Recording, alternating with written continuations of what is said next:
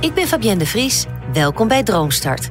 De podcastserie van de ondernemer waarin we gewone Nederlanders volgen bij het opzetten van hun eigen onderneming.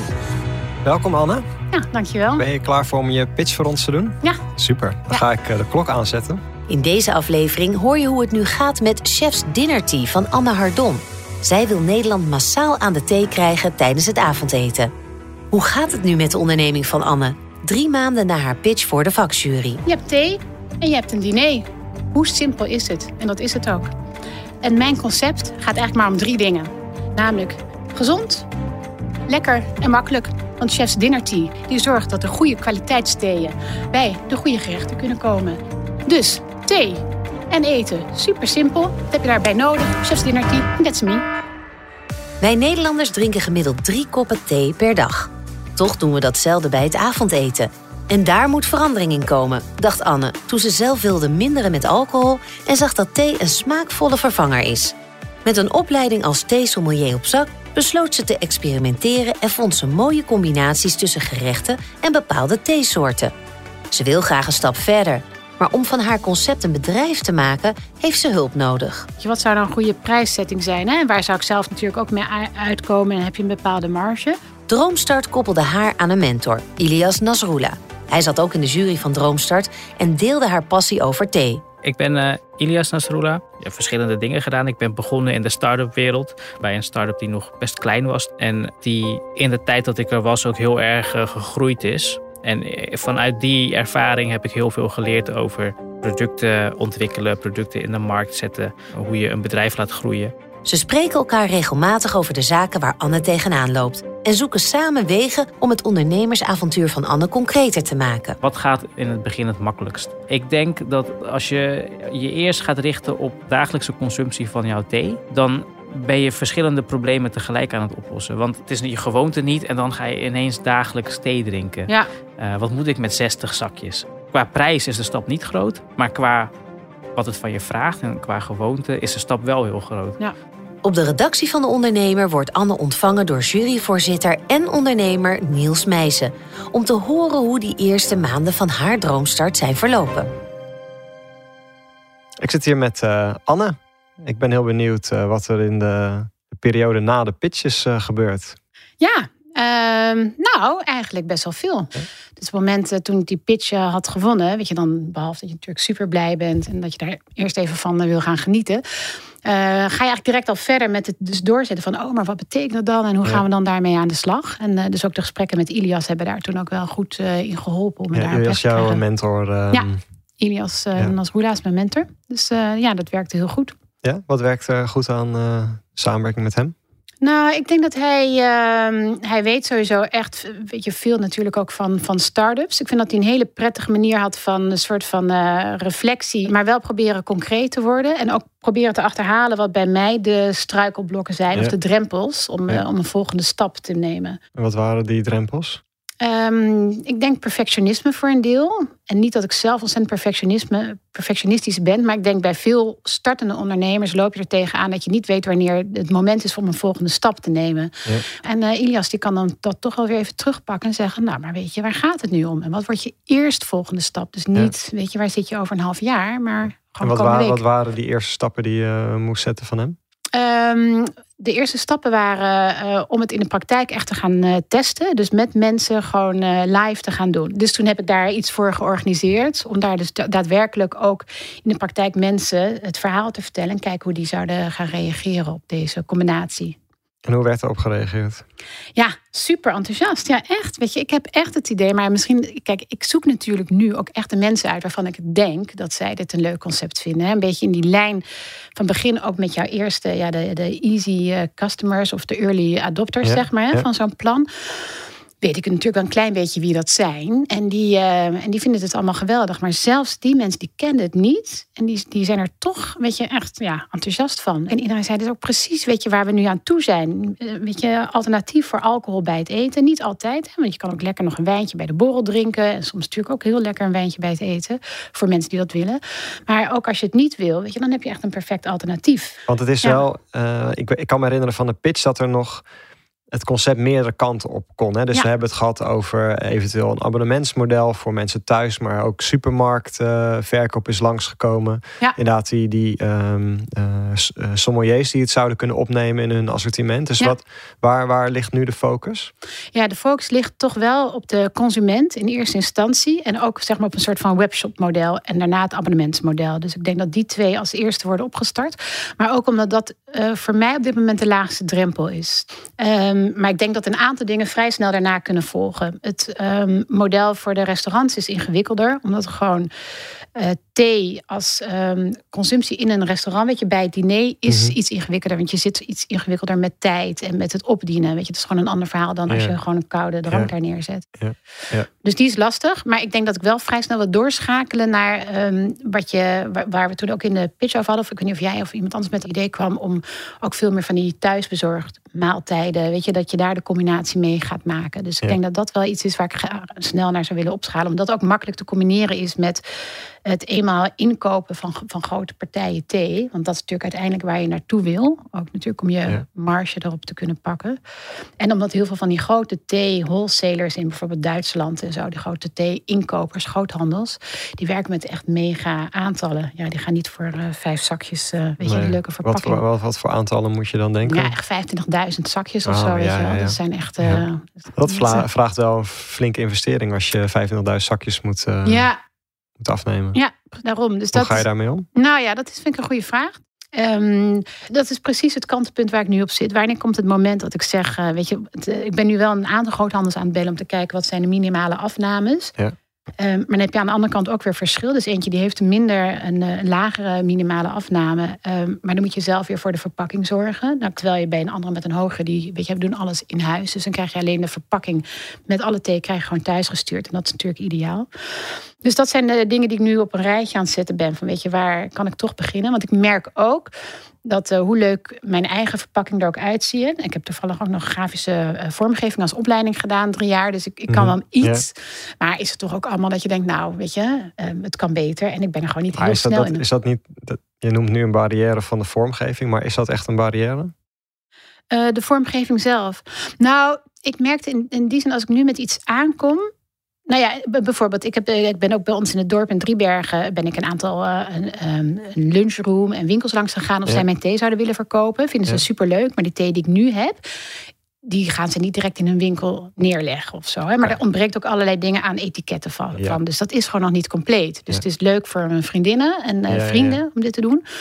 En ik denk dat ik daar echt wel een professionaliseringsslag in moet maken. Wil ik het daar ook neer kunnen leggen. Maar dus, eh, je noemde dat, dat punt net zelf al, hè? een soort van kantelpunt van Ja. je moet nu eh, misschien wat investeringen gaan doen. Dus er moet iets ontworpen worden, wat, wat meer de etiketinformatie, inkoop van thee, Ja. Misschien een website. eh, Ja. ehm, hoe is het eh, leven als ondernemer? Nou, druk. Wat ik wel merk is dat me het wel ontzettend veel energie geeft. Eigenlijk omdat je toch wel met je eigen ja, kindje bezig bent of zo. Maar met je eigen Ja. concept. En ik ben echt zo heilig van overtuigd eh, dat dit een leuk concept is. Dus ik vind het...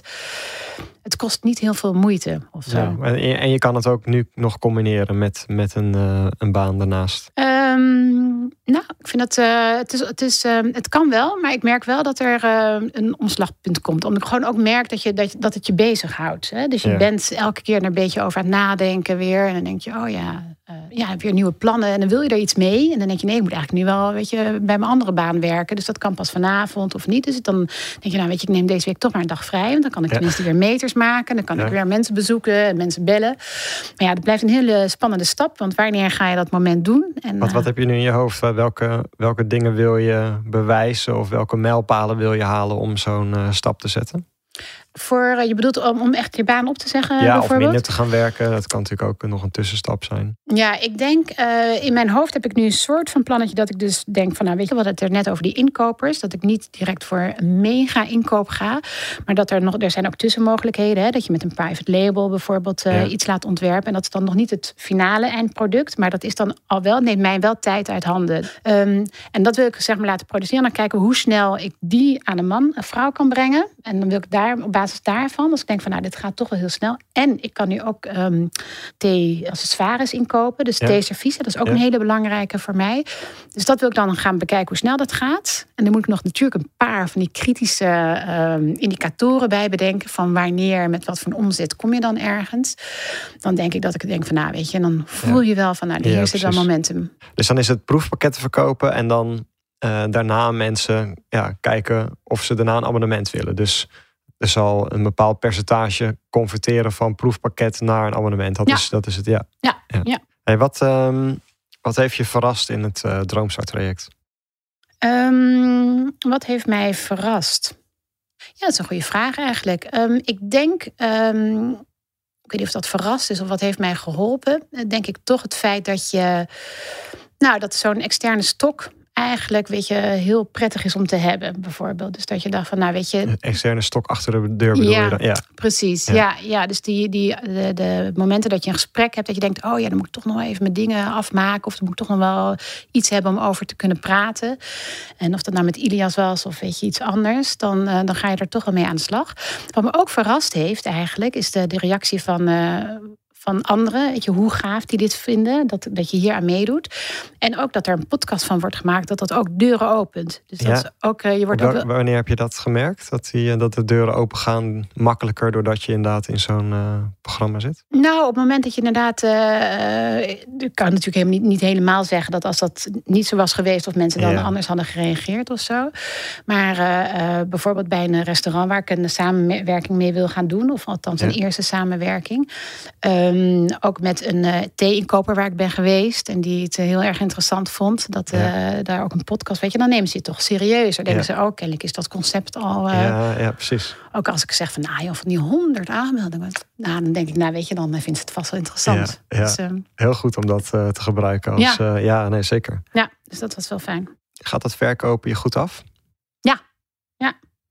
Ik moet wel zeggen, er zijn dingen waar ik meer moeite mee heb. Is, uh, is in de verkoop ook, hè, is de prijsbepaling. Dus dat je denkt van hoeveel moet ik ervoor vragen.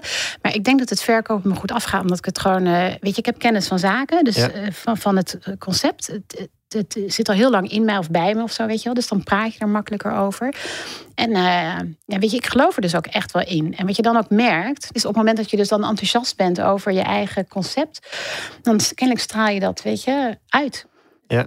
En welke dingen ga je minder goed af?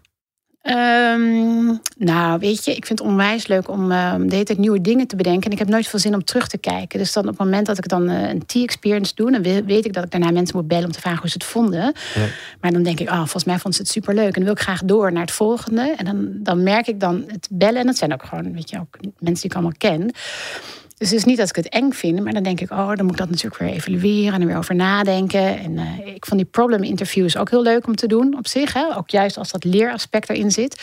Dan denk ik, oh, dan moet ik daar weer een analyse van maken. Terwijl ik dan ergens denk, joh, ik weet toch wel, weet je wel, een beetje hoe het zit. En dat uh, kan ik wel lekker uh, op afgaan.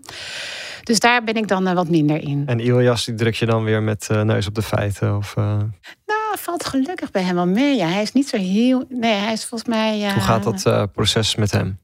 Gaat, uh, gaat heel goed. En ik vind het ook wel heel erg leuk, want hij zei zelf ook al um, dat hij natuurlijk niet de eerst natuurlijke coach zou zijn in dit proces. Hè, omdat hij zelf niet uit de, uit de fast moving consumer goods of de theewereld komt. Of uh, iets wat daarmee te maken heeft. Maar natuurlijk wel vanuit zijn uh, privéleven natuurlijk er wel mee te maken heeft. Maar um, ik denk dat dat ook wel, wel prima is, omdat hij daardoor dus meer op het proces stuurt dan per se op de ja. inhoud. En dat heeft natuurlijk ook wel voordelen. Dus, uh... Ik denk ook dat, dat het heel goed is dat Iris jou juist op het proces coacht. Want ik, ik denk dat je aan een inhoudelijke coach, die ook heel veel over uh, uh, thee zou weten. Ik denk dat, dat je daar minder aan zou hebben. Hoe, hoe ja. zie je dat zelf? Nou, ik denk thee absoluut. Want dat is denk ik een van de, de dat vind ik wel grappig. De reden, denk ik, want ik heb ook best wel afgevraagd van waarom hebben mensen al niet dit concept? Hè? Want je kan echt ook in, in, in een restaurant al thee drinken en er wordt veel over geschreven, steeds meer. Er is een kookboek over thee en diner. Ehm, maar wat je vaak ziet, echt inhoudelijke T-specialisten, denk ik zelf. Dat heeft ook een keer mijn docent van de opleiding gezegd. Die zitten al zo op de T-kennis en die zijn zo specifiek. En als ik daar echt jullie iets over zou vertellen, dan uh, nou, er zijn er honderd manieren hoe je thee kan zetten. Moet je het eigenlijk met bronwater zetten of met bepaald soort water? Moet je hem even meten, weet je wat de hardheid is, nou, enzovoort. Maar ja, ik ga jullie daar niet mee lastigvallen, maar mezelf ook niet. En mijn concept is juist dat, dat we dat weglaten, dat het gewoon makkelijk is.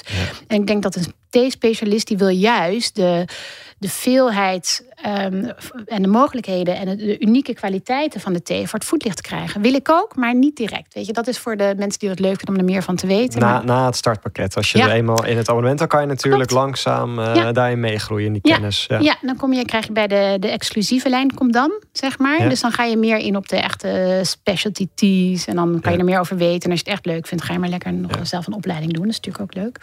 Dus welke onderwerpen zijn er met Iljas uh, dan langsgekomen? waar jullie het over hebben gehad? Um, zoek de dingen die uh, je angst inboezemen op. Dus dingen die je spannend vindt. Ga daar maar doorheen. Want dat zegt juist dat dat jouw leermomenten zijn. Ja. Als het allemaal te makkelijk is, dan weet je, dan, uh, ja, dan weet je het kennelijk al. Um, en welke momenten zijn dat geweest? Nou, bijvoorbeeld toch, ik weet, het lijkt mij best spannend om toch met zo'n um, restaurant aan de slag te gaan. Hè? Weet je, heb je met zo'n horeca-ondernemer te maken die uh, natuurlijk heel veel weet van dat eten. Ik ben zelf ook echt geen chef. Dus dan, dan moet je natuurlijk wel heel stevig in je eigen theeverhaal staan. ben je dat gesprek al aangaan met, een, met zo'n chef of een, een horecabaas? Ja, maar niet inhoudelijk, maar meer dus dat we dat gaan doen. Oké, leuk. Dus dat gaan we later in de podcast-serie ja. horen. Ja, dat is inderdaad. Ja, hij vindt op zich wel heel leuk, maar ik vind het ook wel goed van hem. Hoor. Want hij zei, weet je, als ik het doe, wil ik het niet zomaar doen. Dus dan wil ik er zelf ook wel, er, weet je, dat we het even goed voorbereiden met elkaar. Dus zijn er nog andere dingen die, uh, die je moet opzoeken omdat, ze, omdat je daar de spanning voelt? Nou, ik denk op een gegeven moment dat je natuurlijk ook uit je eigen comfortzone moet gaan met je eigen mensen. En daar natuurlijk wel. Uh, en ik merk dus eigenlijk waar we het er net over hadden, dat ik het ook. Nou ja, wat dus een van mijn mindere kanten is. En dat is niet omdat ik dat, daar spanning bij voel, weet je, is dus het mensen weer opbellen om, om te leren mhm, van, weet je, wat ze, wat ze willen vertellen.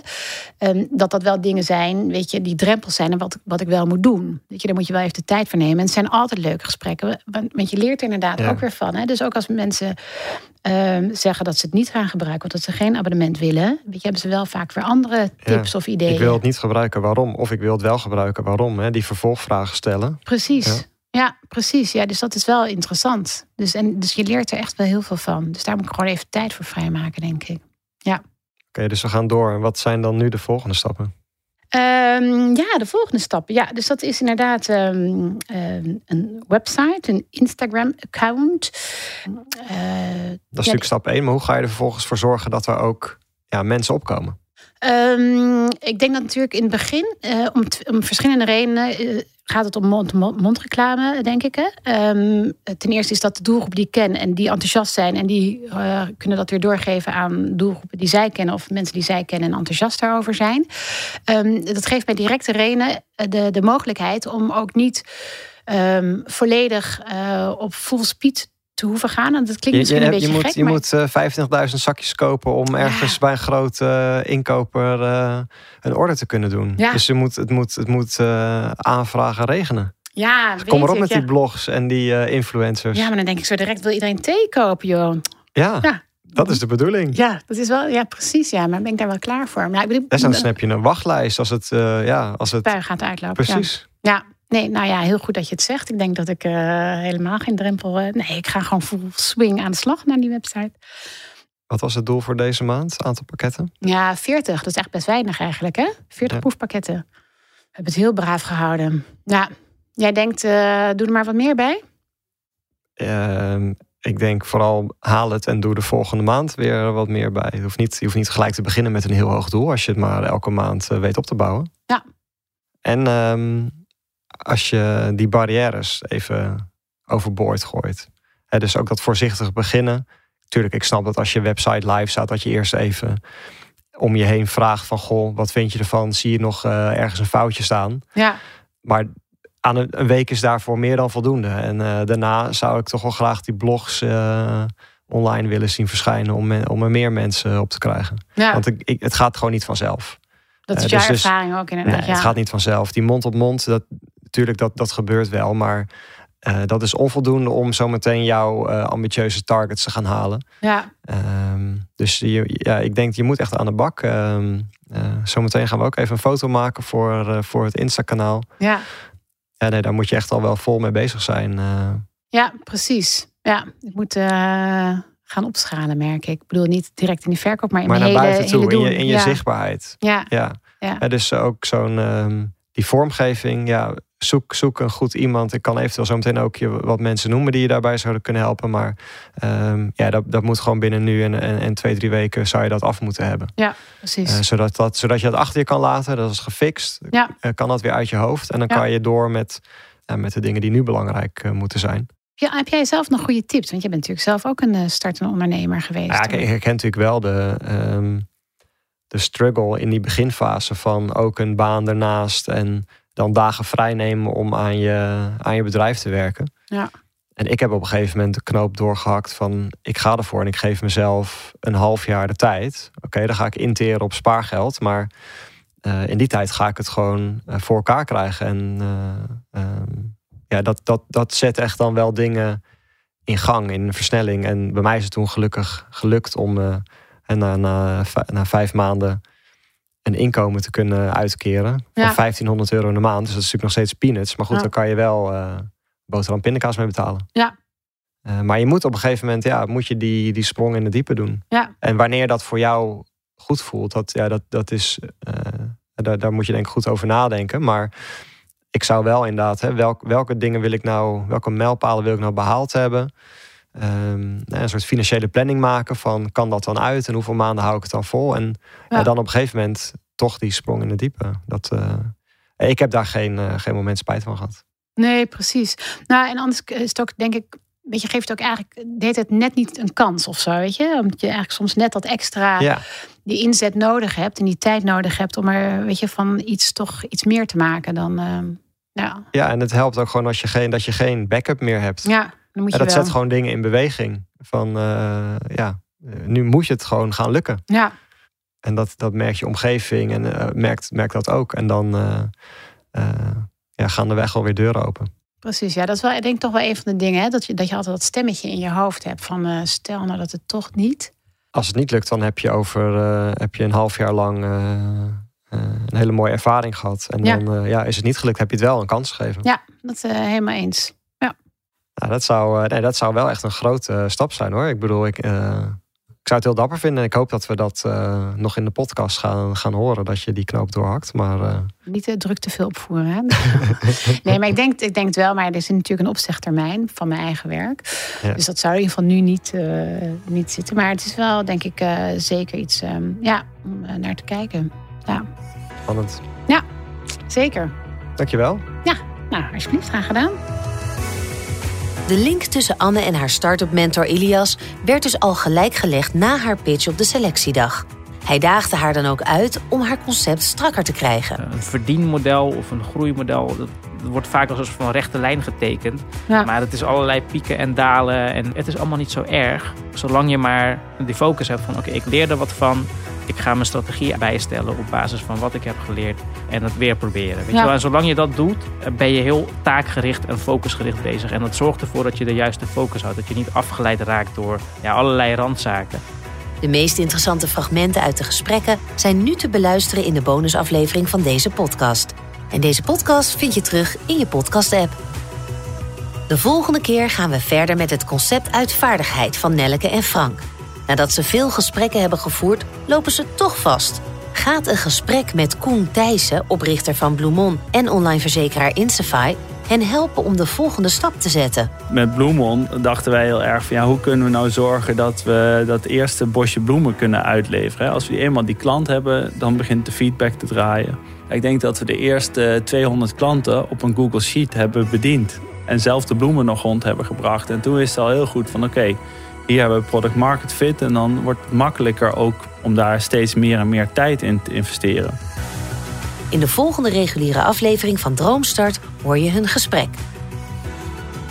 Wil je meer weten over de deelnemers of zelf aan de slag? Kijk dan op droomstart.nl voor achtergronden en de beste start-up tips. Volg Droomstart via jouw favoriete podcast-app en mis niets van deze unieke ondernemersreis. Droomstart is een initiatief van de ondernemer en podcastbureau As We Speak.